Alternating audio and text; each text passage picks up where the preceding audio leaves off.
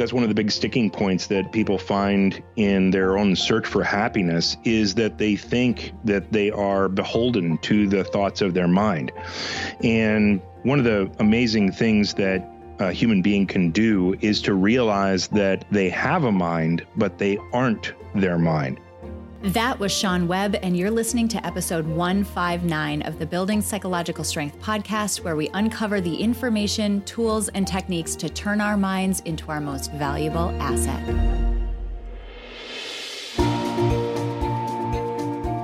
The courage to face fears with persistence.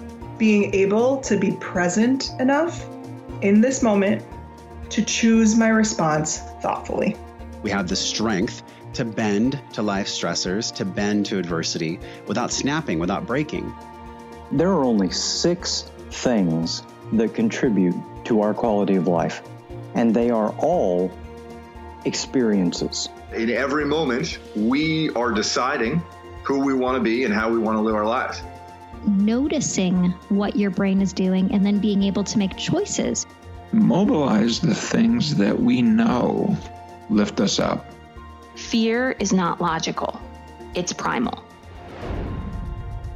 Hey everyone, welcome back to this episode. My name is April and I'm your host, and I'm going to give you some fair warning for this episode. You are not ready. Oh my God, it is out of control. I'm just telling you, this week's guest, Mr. Sean Webb, he is on fire and on fire about all the things that we care about here at Peak Mind and at the Building Psychological Strength podcast. And that is helping people understand the basic fundamental processes that their mind runs on that ultimately creates the life experience that we all have. This episode is insanity. It is so good. We're going through some of the most incredible fundamental processes that every single person, I don't care who you are or how dialed in you think you have it, every single person needs to hear these. And I cannot wait. I absolutely cannot wait uh, for you to hear this episode. Before I jump in and tell you a little bit more about it, though, I have to give a quick, quick shout out because it's very relevant to what we're going to be talking about today. Quick shout out to a listener who left this review on iTunes. It says, the Building Psychological Strength podcast never disappoints. Even if the topic doesn't seem totally on point, I always take something away that I can put into practice immediately. April's a great interviewer who focuses on drawing out actionable items. We talk so much about physical strength. It's time we realize that there are some simple things we can do to create psychological strength. Kudos to April and her team. This was a re- review from someone whose name on iTunes is A Sunst. I have no idea um, what that is. I'm guessing it's like a first initial last name, maybe. Um, but thank you, thank you, thank you for that review. Thank you to everyone who's left us a review. P.S. If you haven't, haven't, you should. You might get a shout out, and uh, it always helps us to learn which pieces of the podcast you value the most. Now, there's some things about this review that I want to call out. This person says, even if the topic doesn't seem totally on point, there are and today's episode is a great example of that. There are fundamental processes that our mind operates on that relate to any and every aspect of our lives, whether we're talking about close and intimate relationships, parenting, leadership, stress management, anxiety, emotions. I mean, you name it, these fundamental principles relate to all of it. And one of my goals with every single episode of this podcast is to make sure that we are drawing out, if it's a parenting episode, or maybe it's a communication episode, or maybe it's an episode on leadership, regardless of what the key topic of that episode is, I will always work, and I promise you this, I will always work to tease out the underlying fundamental processes that apply no matter what. I will always work to tease those out. So, no matter what the episode is about, to this reviewer's point, there will always be something that you can take away from it. The other thing I want to highlight about this review is that they say simple things that we can do to create psychological strength. Right now, the analogy that I like to use about our, um, and I'm going to say mental health system, but I mean that very holistically. So, the way that we approach mental health and mental well being is from what I like to call the emergency room model. So, imagine in healthcare, physical health, if we had no idea what healthy foods and unhealthy foods were. We had no idea that a banana is healthier than some gummy worms. No clue. No one ever told us. No one was explaining these basic things to us. We also had no idea what we should do for primary care. We had no idea that we should be going in for checkups and uh, getting certain tests done and just really monitoring certain things in our in our physical health and in our lives. What if we didn't know that? What if the only way we approached physical health was to wait until something came up that was so catastrophic that it interfered with our lives and then we rushed into the emergency room? What does that sound like? Kind of sounds like mental health care right now, right? And I don't want to um, rag on the industry too much because therapy is wonderful. I've said it a thousand times. I've gone a number of times in my life, and it's been incredibly impactful because I've needed it in those moments. But some of the more impactful, or even as impactful things that I've done, are the basic diet, care and feeding, exercise equivalents on the mental health side those things that I've done that we are going to touch on in this episode, those things, those are the things that have impacted my day to day experience more than my ER visits, meaning when I've rushed into therapy to take care of an acute issue. So, more than that, some of the basic care and feeding that we don't explain to people, that people are not taught and are not taught the importance of, even if they seem simple even if they seem like they're not that big of a deal. Eating a banana is not that big of a deal. But the more bananas you eat, you know, on like a, as an example, the more healthy food you eat, the more healthy choices you make, the more physically healthy you will become. The more of those simple things that you do, and our guest this week, Sean, is going to go through a number of them, the more of those that you can do, the better off you will be. And if you want to get involved right now, if you want to start right now, in addition to the tips that we're going to talk about, and I'll get into some more about the episode in just a minute, in addition to the tips that you're going to get in this episode, in the Peak Mind Center, we have a free resource for you. We just put this together. We just dropped this resource into the starter pack. So if you go into the Peak Mind Center and sign up for our starter pack, again, absolutely free. There's stuff in there that we move in and take out and change around all the time. So you want to be in there. If you go in there right now, we're going to give you a checklist, a list of tips and things that you can do to cultivate mindfulness that are not meditation. Now, don't think that I'm dogging on meditation. I love meditation. I think it is an incredible tool. But the biggest thing that we hear from people is I don't have time to meditate. I don't know how to meditate. Meditation seems like it's um, overwhelming, and I don't know if I'm doing it right. And I can't find the perfect spot to lay down this beautiful rug and stare at something gorgeous in my surroundings. All of those are misconceptions, by the way. But either way, if that's what's keeping you from meditating, then fine. We're going to give you a bunch of ways that you can cultivate mindfulness without even needing to do that. These are things that you can do in 30 seconds of your day, small things that you can incorporate into your daily habits that will change your brain. And we're going to talk about some of the mechanisms through which those change, those changes happen on this week's episode. So, if you're at all interested in getting into this building psychological strength game and you want a really easy way to do it, we just dropped that resource into the Peak Mind Center in the starter pack. Go get it. It's absolutely free. We put it out there because we know how impactful these exercises are for people. All right, this week's episode. Oh, I'm so excited. Oh my gosh, I can't even. I like I'm like stumbling all over myself. I'm so excited. This week we are speaking with Mr. Sean Webb, and we're talking about uh, something called mind hacking happiness. For over 20 years, Sean has been one of the world's leading experts in how the human mind works. I said we were going to talk about some fundamental principles, and we're doing that today particularly in the area of human emotions and the driving force that they play behind the motivation of all of our actions and our behavior. His work is being used by universities, um, companies, engineering firms, also the Navy SEALs some of the people who have to be the most resilient, psychologically strong people on the planet, they are adopting his methodologies to teach emotional intelligence and help people understand how their mind works and how to make it work in their favor. Sound familiar? Yeah, Exactly. This is why I'm so excited to have Sean on this episode of the podcast because his mission and his goals and the information that he is teaching is exactly in line with the goals of this podcast, which is to turn our minds into our most valuable asset. So I absolutely cannot wait for you to hear this incredible episode with Sean Webb. Please do not miss the actionable tips that he gives at the end of this episode. They will absolutely change the way that your mind works. And don't forget to log in to the Peak Mind Center, get the starter pack, get enrolled. If you're in already, you have access. Go back there and go grab it.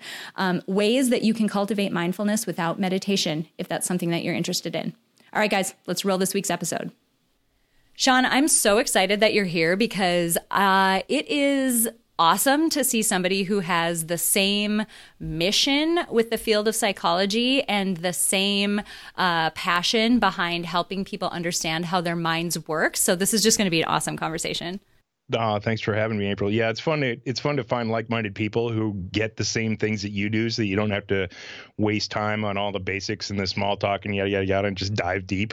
A hundred percent. Yeah. So Okay, so let's just do that.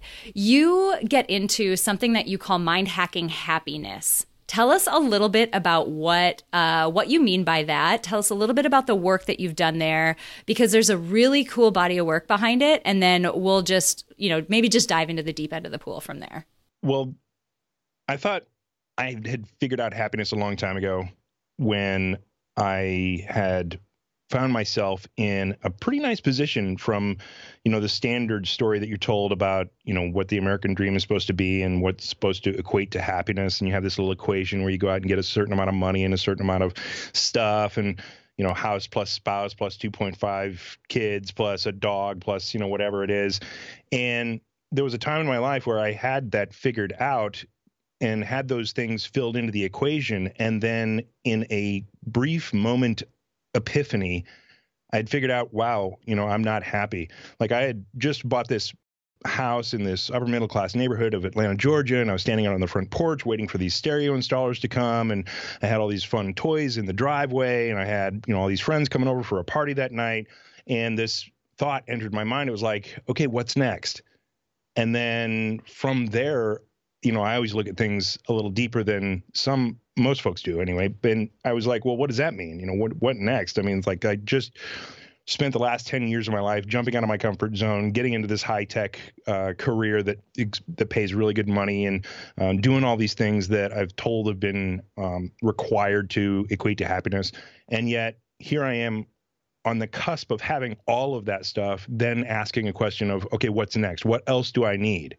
What else is there to attain to put into place to attain happiness and i realized at that moment that the happiness that i was trying to find wasn't there when i had put mm. all of the mm. the pieces of the puzzle into the equation and so then i thought all right well i got to step back and i got to figure this thing out because if i'm going to be chasing this dragon for the rest of my life that's not going to be very efficient and so i went back and i started reading about the mind i started reading about um, happiness. I read a whole ton of books about psychology and about happiness and about emotions and about all this stuff that I didn't know about.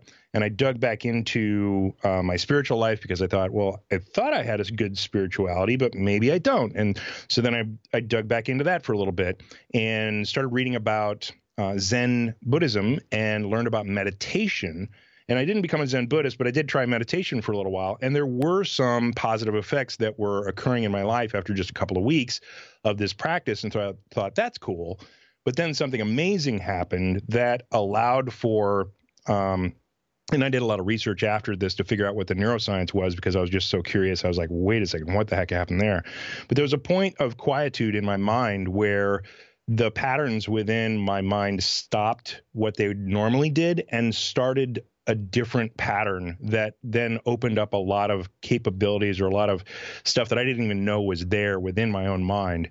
And I was like, okay, what the heck just happened there? Because it was like, you know, inner imaging and um, lessons that were coming through of things that I had long forgotten and and all that kind of stuff. And um, kind of had a unitive experience, as William James would describe it uh, from 100 years ago. And there was a whole ton of stuff within my own mind that I had no idea was there. Mm. But that cool process allowed me to then figure out how my mind worked, which was interesting to say the least, because from that perspective, from that point in my life, I hadn't figured out, you know, I, I was chasing the reactions of my mind. And I was chasing to set the external conditions of my life to try to figure out, okay, how can I eke out a little bit of happiness from my mind? And I never really realized that whenever it was that I had my external conditions set correctly, to, that the happiness would come out, that the last step in that process was that my mind had generated that happiness and maybe there was a, a, process that I could follow that wasn't requiring of the setting of the external conditions to figure out my own happiness and just mm. push that mm. happiness button from the inside to say I'm going to be happy without having to set all these external conditions. And now all of a sudden I'm freed from this, you know, uh, equation of of happiness, so to speak, that society tells us that we're supposed to have to to set all these uh, conditions for our happiness. And so I started to do a little bit of research there. I started to dig a little deeper, and I discovered some stuff that a lot of the experts had missed. Um, and I'm talking about going back to the writings of you know Plato and Aristotle and a lot of the ancient uh, Greeks and, and Stoics and whatnot. And uh, I started to then put the science behind a lot of the stuff that I was kind of contemplating. And it turns out that the science tells us the full story of how to take control of your mind and how to push that happiness button without having to set your external life conditions, which means you can be happy all the time and still be striving for your goals that you set in life without having to re- attain the goals to be happy, which is really, really cool. And a lot of people are finding that they're changing their lives when they employ this stuff. Okay, friends, I just feel like I need to give a, for, a fair warning given what you just said, I'm just going to say right off the bat, this episode's going to go off the rails. So, like, you should just be ready to, like, dig in. I'm going to pound on the desk a little. It's probably going to be one of those episodes. So, get ready for some uh, soapboxing, probably. Um, it's just going to go that direction. Here's one thing that I want to call out from something you said because I hear it all the time. Oh my gosh, all the time the point that you mentioned right you're you're going through your life and you're like check check check check check check check right? I hit the yeah. goal. I i got the spouse. I got the house. I got the money. I got the car. I got the kids. I got the all the things right? Check check yeah. check. Yeah. So many people experience that inflection point and there's a lot of analogies. For whatever reason mine have to do with ships but in boats but there's a lot of analogies about that inflection point in life. Maybe you've lost your wind behind you. Like no one's giving you your next goal, no one's pushing you to that next place. You've achieved all the things you're supposed to do. And now you're just there. Another analogy that again has to do with boats, you've become unmoored. You're just, you're not like bound to anything anymore. And you're having to determine what your next direction is because all of those things that were supposed to make you happy, all of those things that you were supposed to achieve, you've done it now and you realize, and this happens to so many people, and I love that you brought it up, you realize that that wasn't the point. All of those right. check boxes were not the point. So, for anybody who is listening to this who has ever felt that way, or anyone who's had a conversation with someone where the words, is this it, have come out of their mouth, you need to be listening to this episode right now. And they do because that time in life is so common and it repeatedly happens i think for people at different phases of their life. You sure. you ask that question. The the principles that we are going to talk about in this episode are fundamentally important um, for you. Yeah.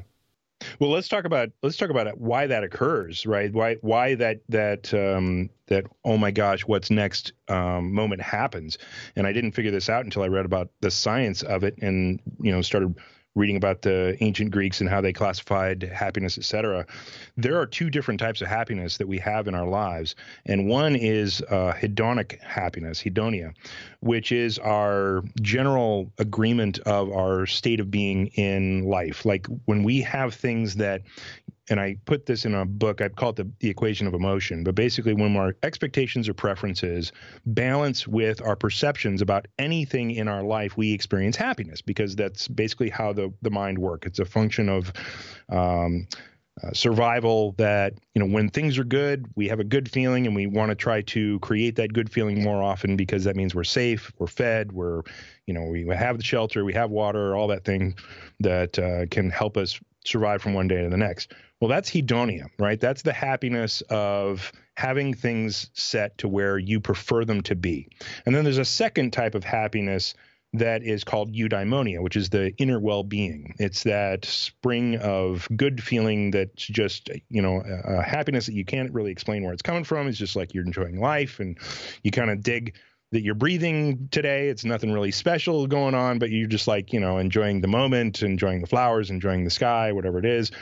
And that is a different type of happiness. And it's a, it basically fires a different um, set of circuits in your nervous system. Now, the reason that hedonia is temporary and will always be temporary is because it is firing from your top level nervous system, which is basically just a comparator that says, okay, how is this moment different from the last and or how is how does this component differ from my expectation or preference and so when those things balance you create um, a positive feeling in your nervous system. But your nervous system, because the fact that it only measures two things against each other, is only going to measure moment one versus moment two. And then if there's a difference there, it's going to report it to you, and, and you'll you'll experience this by smelling gas in your house, right?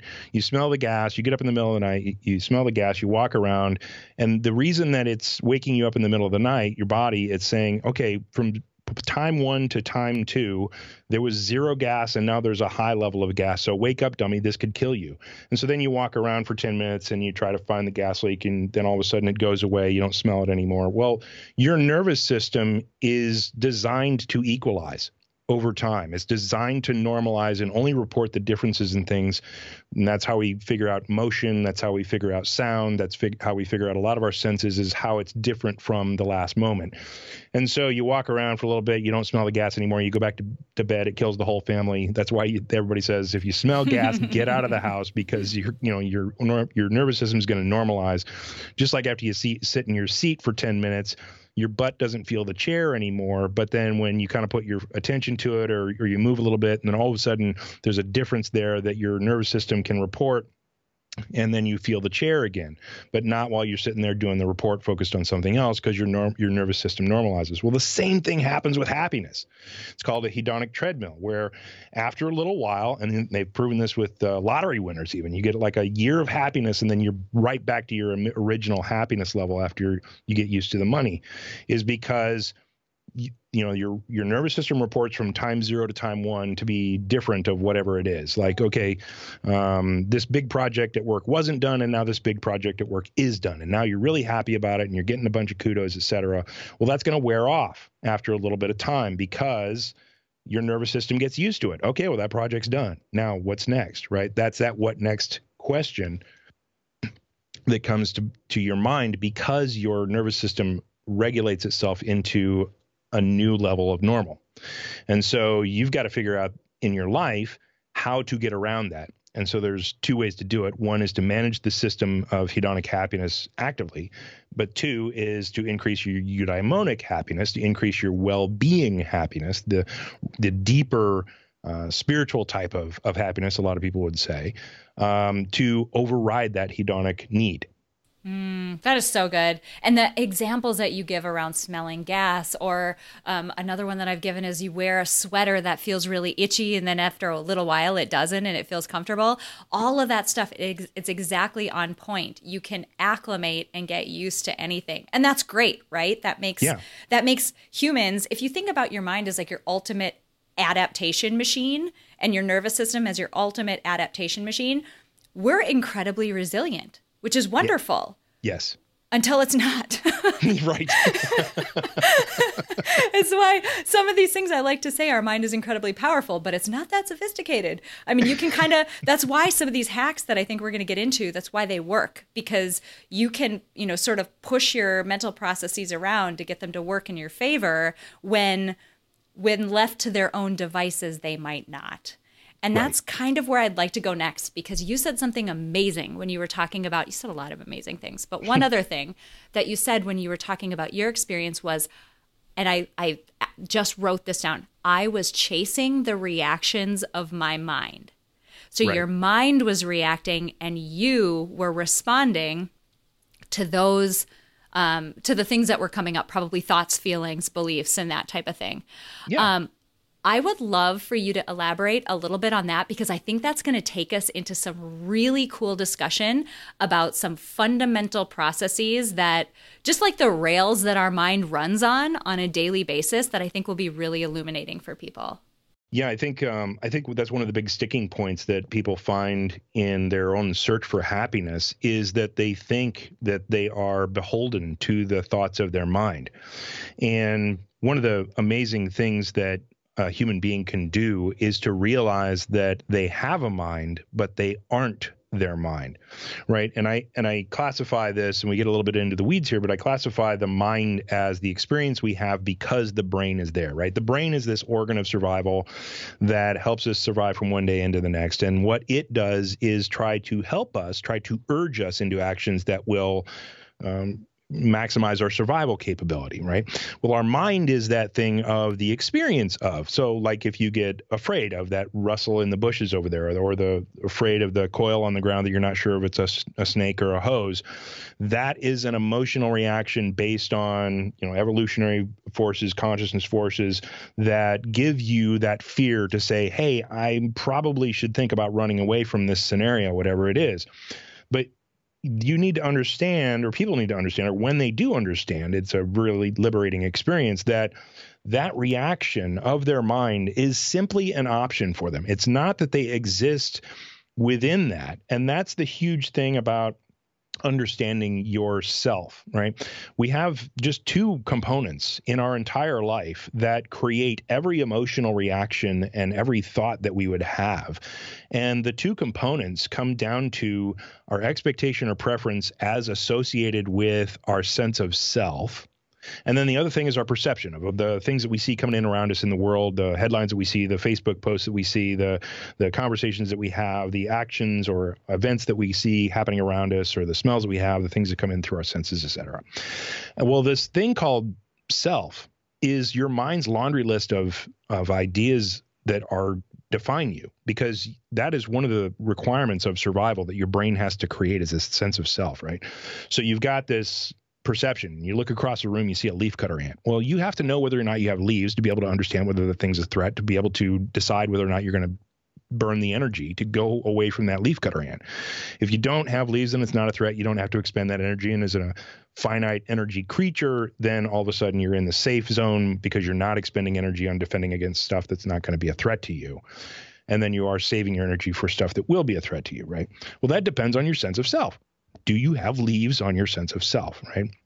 And so the the sense of self is really complex. It starts out simple in that it's hardwired into your body. You're you're hardwired in to defend your your body self, which is why we dodge when a baseball comes flying at your head um, involuntarily. It's why you jump when you see that coil on the ground that you're not sure if it's a snake or a hose, right? So there's a little bit of a hardwire in there. But then, um, in short fashion, our emotions, our reactions, our thoughts, and all of the things that come from our brain into our mind, right? Those things get written onto our sense of self. They're what we are feeling. And so we get a mix up. Um, we get confused that that existence, that experience is our entire life. Mm-hmm. But here's the cool thing um, is that you can do some exercises that will show you that it isn't your entire existence. Your mind and your reactions are not your entire existence, and they're not your entire consciousness. And we do that through, you know, a lot of things uh, people uh, will promote are things like meditation or other what I call meta awareness principles or meta awareness disciplines. Now, meta awareness is a fancy word. Don't let it scare you. It's that place in your mind where you can take your mind and turn it back in on itself to find out what your mind is doing. Just like you're those moments where you find out you're you're daydreaming and you're driving around with Brad Pitt in his Ferrari or whatever it is, and then you realize, oh crap, I'm daydreaming. I need to get back to work. Well, that's a moment of meta awareness where you take your mind and you look back in on your mind and say, oops, I'm doing something I probably shouldn't be doing here at the moment. Let me take my my conscious will and redirect my mind into different activities. Now, that little thing right there, that one little clue gives us the key to realize we are not our mind because just like a tooth can't bite itself A fingertip can't touch itself. An eyeball can't see itself without some distance and a mirror. An olfactory nerve can't smell itself, right? It can smell other olfactory nerves, but it can't smell itself. There must be a distance between a perceiver and a perceived. And if you can perceive your mind and its activities, that proves that you are not just your mind and your activities. And here's the cool thing is that there's an automated process that there's a subconscious layer that keeps track of your sense of self and it says okay this this list of things must be just spot on or we could die like if we think we can jump seven feet over a six foot crevice when we're running from a bear and we actually can only jump five feet over a six foot crevice we're going to fall and die and that's a major thing because you know our whole charter is to survive from one day to the next. So that layer of subconscious that's in charge of taking control and writing your your uh, understanding of self, that changes because that layer is paying attention at all times. And when you're able to take your mind and look back in on your mind, that layer of subconscious that says, okay, I'm going to keep track of this self says, wait a second. I thought I was the the mess of the mind. I thought I was the experience of the mind yesterday and now I'm able to see the mind. So now I have to rewrite and say, okay, well now I'm the mess of the mind and the awareness that can look in on the mind, mm. which is mm which is the first big step, right? That's you know we've we've all read these major studies on awe and on expansive consciousness, on expansion of self. Um, that's the first baby step in being able to expand yourself out a little bit. And I use this analogy in one of the books. I can't remember which one, but it was um, you know, you have this little mud puddle of self and you have some boats in it, which are your relationships or your job or whatever. And then you have this life problem rock that comes flying in and splashes into your mud puddle and splashes water out, making you feel a little bit smaller than you were. And maybe rocking your boats or sinking one of them. Maybe your relationship doesn't make it because of this life problem rock or whatever it is. Well, all of a sudden, when you expand your sense of self out, that little mud puddle becomes a pond or becomes a lake or becomes an ocean or becomes a universe of self, which then a life problem rock comes in and you don't even feel the ripples anymore because it's so insignificant in comparison to your expanded sense of self. So the more you can do these meta awareness disciplines, such as meditation or you know learning how your mind works like i present an alternate doorway into meta awareness through mind hacking happiness in that I explain all of the the little variables in this. They're not, they're not, not, not that many variables that, that come together to create your entire mind's landscape and your emotional landscape and all of the things that come together to create your turmoil in life. There are very few variables that actually come together to create all that. And once you understand how to see those things and how to understand how they come together to create your anger, to create your sadness, to create your your fear, your worry, your regret, your doubt, all of that stuff, you figure out how to look at that stuff, all of a sudden that gives you that perspective to say, wait a second, there is a difference between my perception of my mind or my my my awareness of my mind and the mind's reaction itself. If I can see my anger coming together, if I can see my sadness coming together by the components that are creating it, first of all, I know that I'm not that sadness. I know that I'm not that fear and it no longer controls me. But then the second thing you could do is say, all right, well, I'm going to take these variables. I'm going to start screwing with these things. And we're going to see what my mind will do based on how I adjust these variables. And you will literally change your mind's output and change your entire life. Because if you think about it, your mind creates your entire life. It creates all of your you know perceptions and, and decoding of all of your senses et cetera you know there's a lot of science behind there's you know we're, we're looking at things around the room but they're not really how we are perceiving them uh, the science shows us but then also there's a lot of emotional reactions considering um, all of the various inputs that we have throughout the world that come at us from Facebook, from our, you know, our mobile devices, from our television on the wall, from the conversations that we have, from all the things that happen at work, et cetera. You have all these things coming in, and they're creating emotional reactions for you, which paint your world. And so, imagine being able to take control of those and change those because you understand the variables that are that are being created within your mind that create your whole reaction system. I mean, that's just it's magic. It's awesome.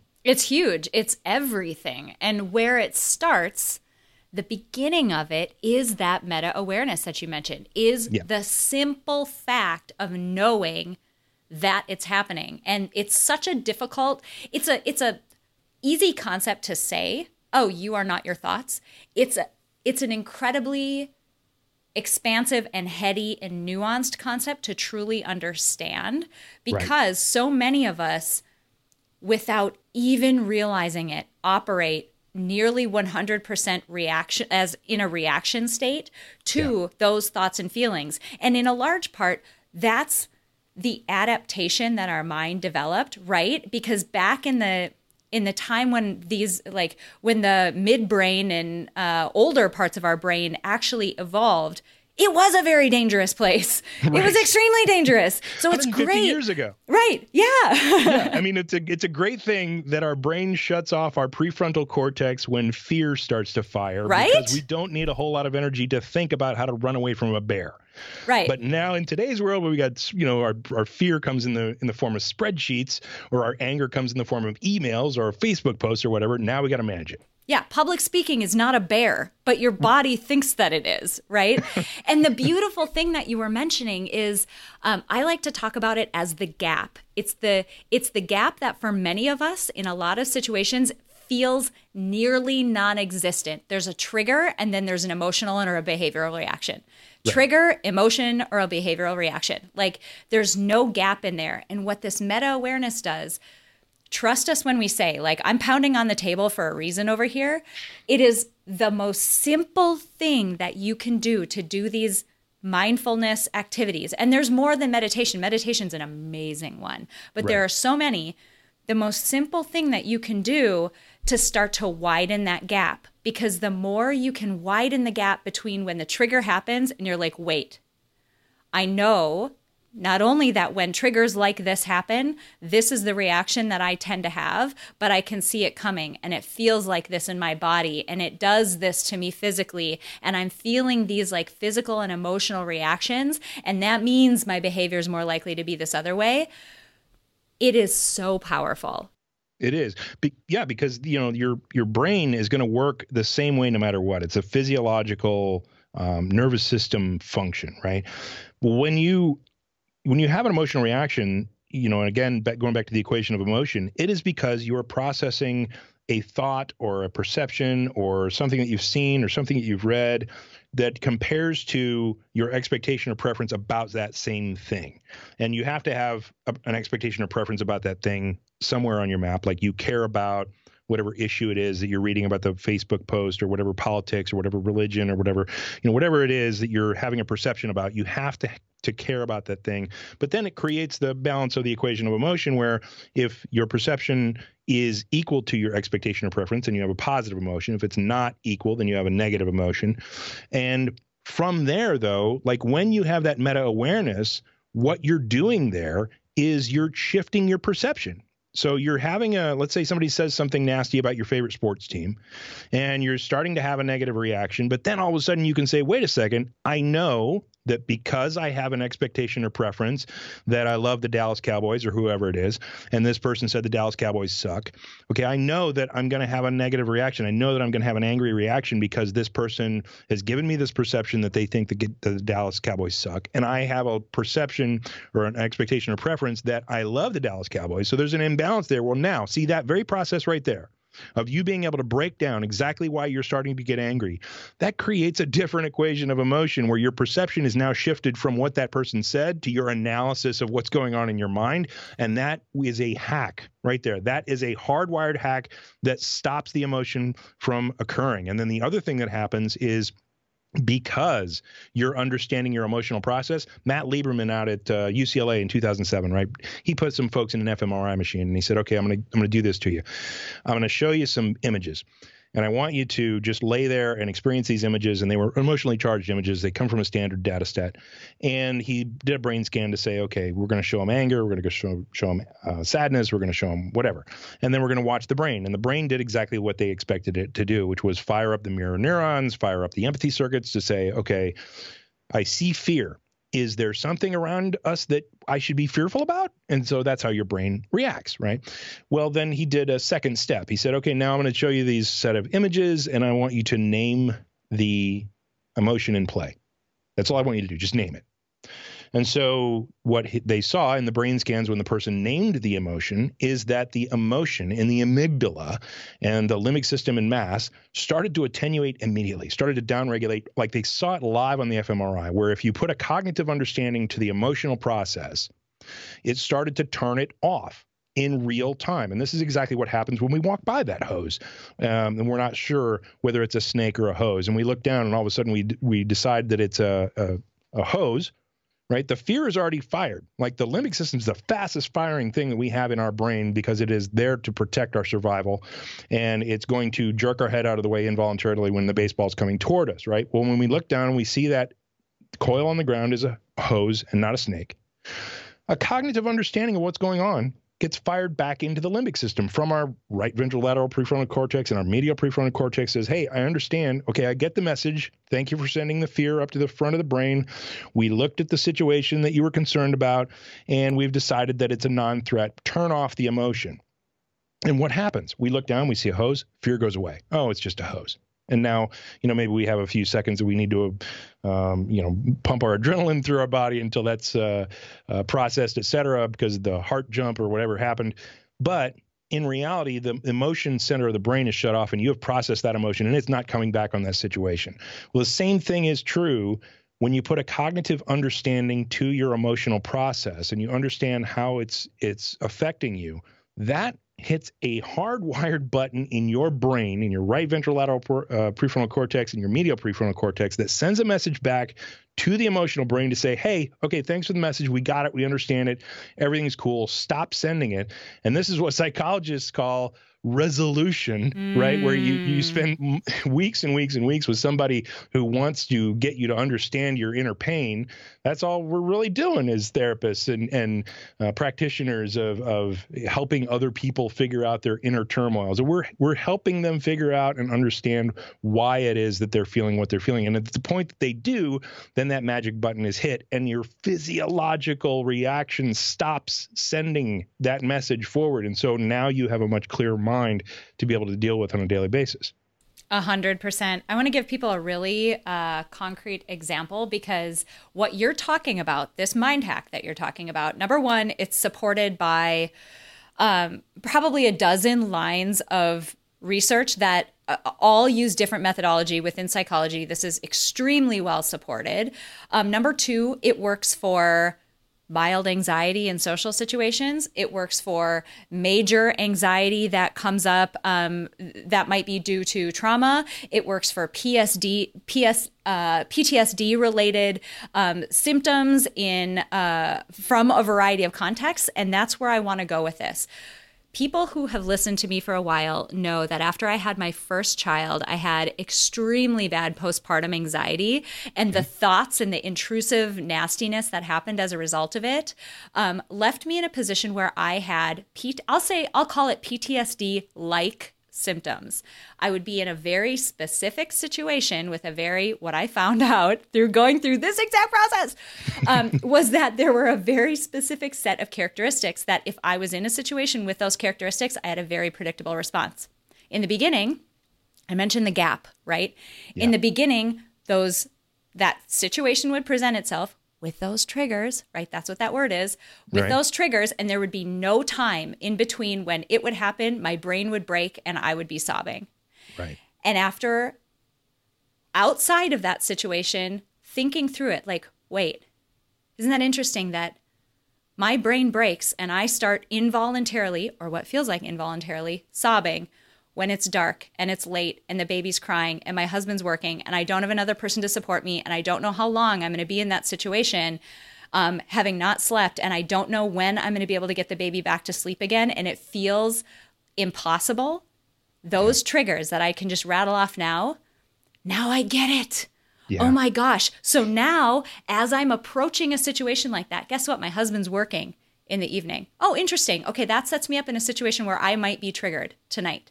I might be crying tonight. And it's going to be dark at some point. Guess what? That's going to happen. And right. you can kind of reason through all these things. It doesn't necessarily mean that that next time I won't be triggered and I might not sob, but I'm going to wedge my foot in the door and there's going to be a tiny gap. Right. And in that tiny gap, I'm going to say, okay, I'm noticing, I'm a perceiver. I'm noticing that it's dark. I'm noticing that the baby's crying. I'm noticing that I'm here by myself and I'm noticing that I'm panicking. Great. That time I would panic and bawl and cry and it was right. horrible. But then I'd go back After that, get yourself out of that situation, reprocess. The next time, the gap's a little bit wider. The next time, the gap's a little bit wider. And now I'm like, hey, I'm in the dark and the baby's crying and this is miserable. And I used to panic in this situation. Yeah. And I don't And the- anymore. And it's psychotically so pro- like powerful. Like I'm Yes. banging on the table over here. That's a great example of how many um, equation of equations of emotion can run simultaneously, right? And you know, a lot of people uh, in my talks or whatever, like I, I spoke at the Science of Consciousness not too long ago, and somebody in the audience was like, "Okay, well, so you say your expectation or preference and your perception are the two things that are balanced, but let's say you have a sports team and you know they're going to lose, uh, and they lose, and it sucks. Why?" And I so I explained. I was like, well, "Okay, well, you have two different equations of emotion going on there. You have an expectation or preference, or you have an expectation that your team's going to lose." And they lose, well, that's expected. And so you're not going to have a super disappointment. But the reality is, you still love your team and you kind of want them to win. And so when they lose, you still have that disappointment. And so the overall even plus the negative is going to be a little bit of a negative. What you're doing there is you're saying, okay, I'm going to shift my expectation that I'm going to find myself in that situation where I could lose it a little bit.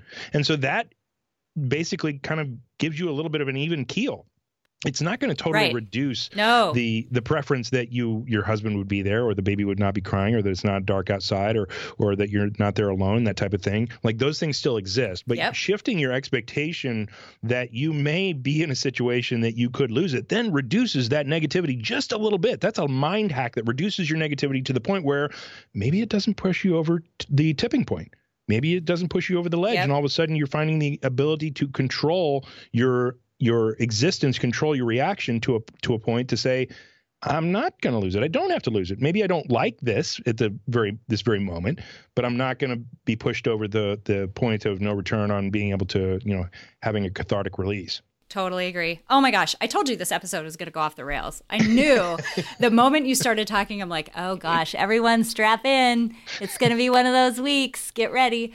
Um, we could talk for hours. This could really go on for a long time because I have so many things that I want to ask you. But I'm talking to an expert who, uh, an expert who knows so much about mind hacks. Can you give people, like, if you were going to tell people to go do after this episode, like Yeah. fundamental things? I don't care what your situation is. If you're under stress from your job, if your relationships are difficult, if you have to manage the stress of a lot of different things, if you are finding that you're in that unmoored situation where life is just like, ugh, and what are you supposed to do next?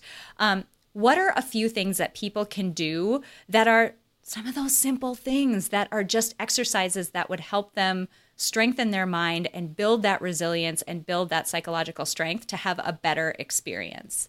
Okay, so I'll give you a macro one that can help you on the on the long haul from you know taking control of your life for the rest of your life until you're gone and then I'll give you a micro one that you can use in the heat of the moment to take control of your mind when it starts to run off the rails.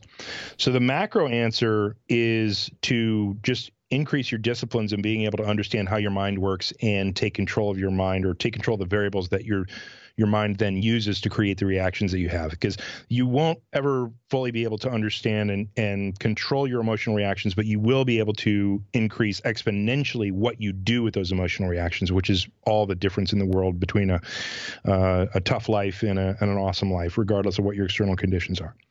So the first thing you need to do is go figure out how your mind works and i put a book out obviously mind hacking happiness that helps you understand how your mind works. And by the time you get to the end of the book if you're in the adult learning model where you don't even know what you need to know. You're in that unconscious incompetence. And by the time you're at the end of the book you're into your conscious incompetence of not of at least knowing what you don't know.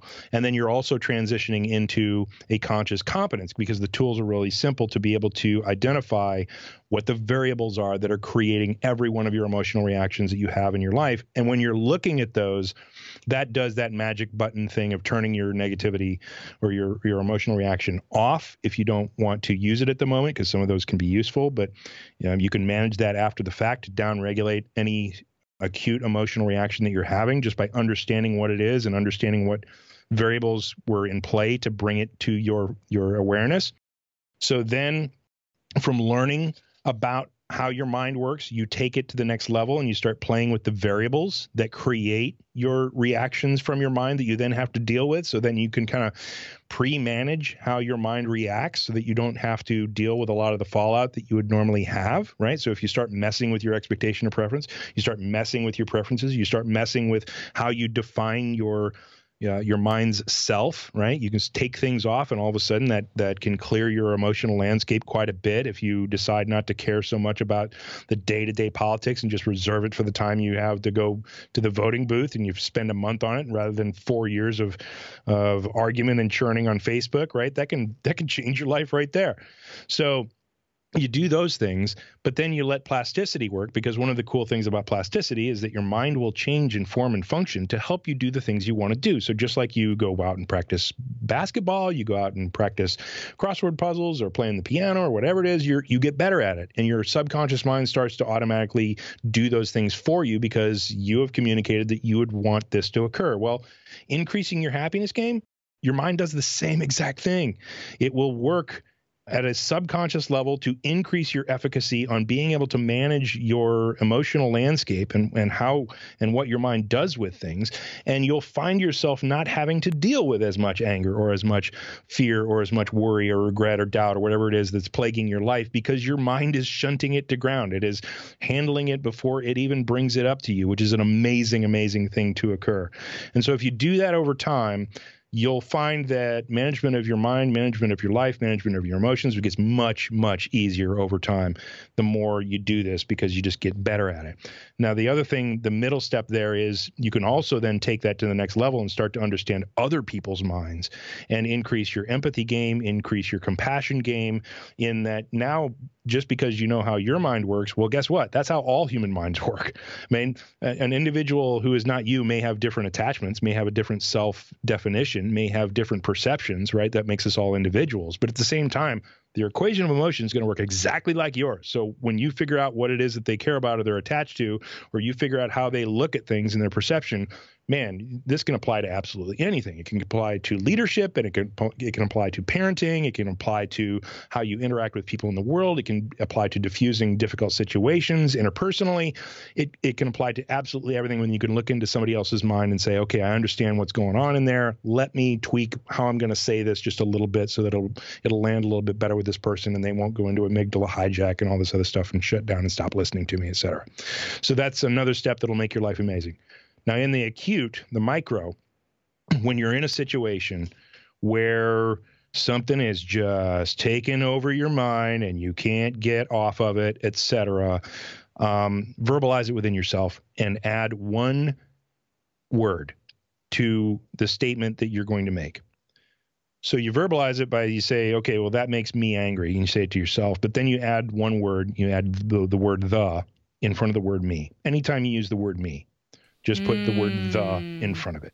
And so at that point, you're saying, instead of saying that makes me angry, you're saying that makes the me angry. Wow. And so you're doing, yeah, yeah. It's it's one of the favorite tools of all the people who've like ever found my stuff on the internet or, or from my books. They're like, oh my God, that's the most amazing. Like I used it the other day when somebody cut me off in traffic and I said, somebody cut the me off in traffic. And I was just like, oh my God, I'm not angry about it anymore. So what it does is it gives you a little bit of distance between you and your mind's reaction it reminds you that you are the awareness of your mind. You are not your mind, and you are not your mind's ah, reaction. so good. In this in this heat of the moment, in that split second, and so you just that that one little word the, and it sucks. I mean, it's horrible. It's it's improper grammar. It's going to sound weird, which is part of its amazing magic that it reminds you, yeah, this is not right. What I'm what I'm dealing with right now isn't right.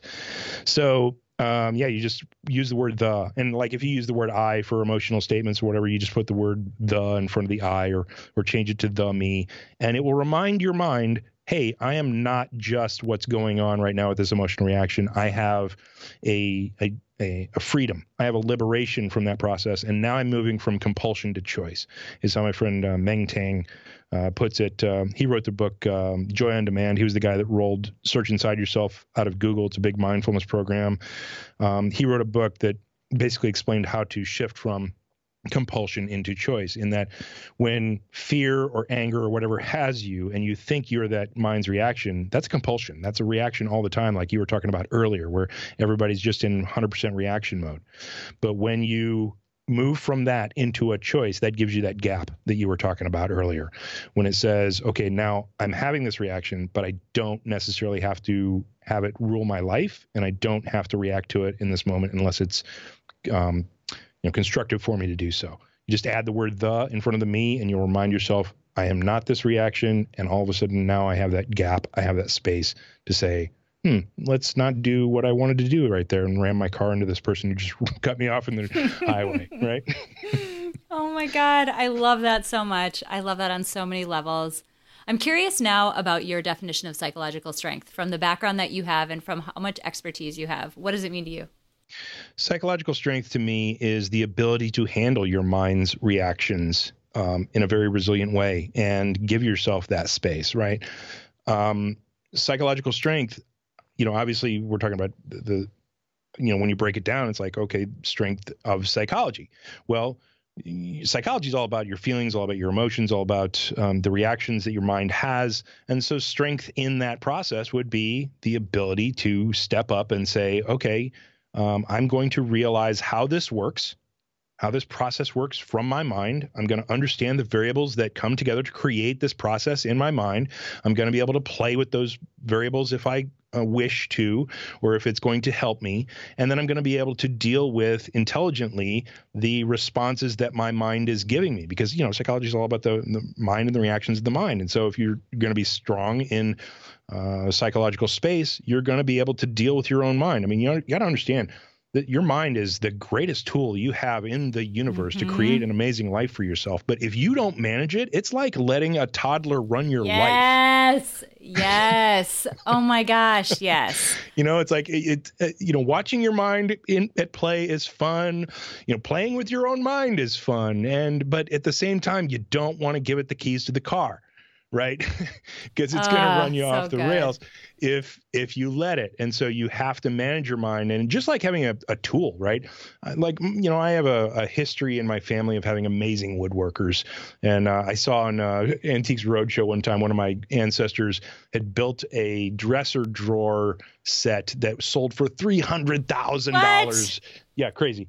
And so I have some woodworking tools. I'm not nearly any close to that good, but I can do my own trim work in my house, right? So I have some woodworking tools. I would not pick up any one of those tools without completely understanding how to use it safely and, you know, how not to screw up with it, that type of thing. You have to understand your mind is one of the most powerful tools in the universe that you have, period, to make an amazing life for yourself. How can you not want to understand how to work it better? I like you so much. You are welcome back here anytime. I like you so much. Um, you. For anybody who is like me, who is now banging on their desk, or maybe they're in their car banging on their dashboard because they're so excited, tell me where we can find you. Tell me where we can find your book. Um, it's amazing. I would love for people to have more information about how to find you. Sure. Well, you can go to mindhackinghappiness.com, um, which we're trying to improve the web- website uh, slowly but surely. But the books are out; they're on Amazon. I also did the Audible versions. I recorded those and put those out. Um, and so you can find them at Amazon or Audible. We have uh, I have a couple podcasts that I'm uh, slowly ramping up on. The Mind Hacking Happiness podcast is going to be just kind of an informal continuation of like a continuing education type of thing and a discussion of different uh, topics connected with the same one theme.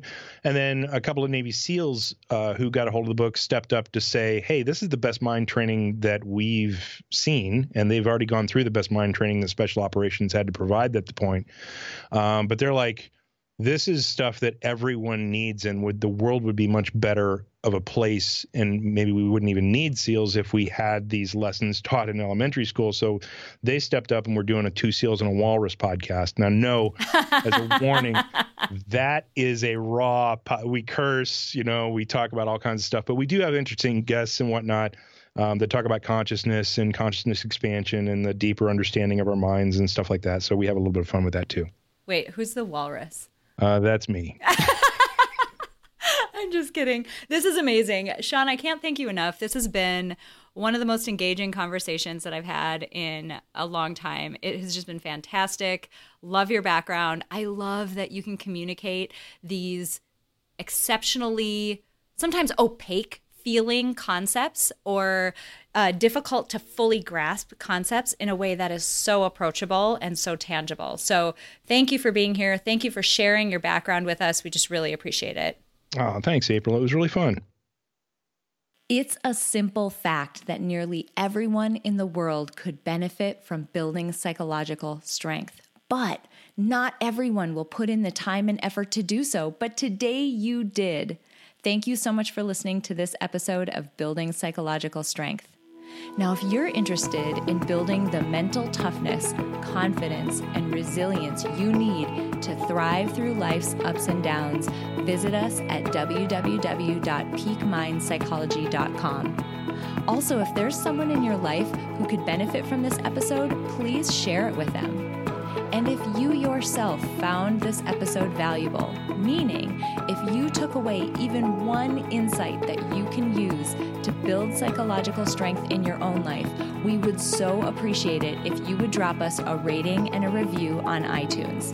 The thing is, the more ratings and reviews we have, the easier it is to get this powerful and important content out to the people who need to hear it.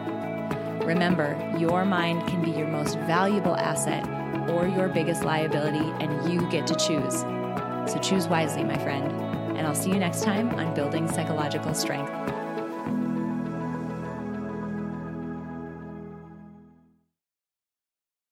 At Parker, our purpose is simple. We want to make the world a better place by working more efficiently, by using more sustainable practices, by developing better technologies. We keep moving forward. With each new idea, innovation, and partnership, we're one step closer to fulfilling our purpose every single day. To find out more, visit parker.com/purpose. Parker, engineering your success. As humans, we're naturally driven by the search for better. But when it comes to hiring, the best way to search for a candidate isn't to search at all. Don't search, match with Indeed. When I was looking to hire someone, it was so slow and overwhelming.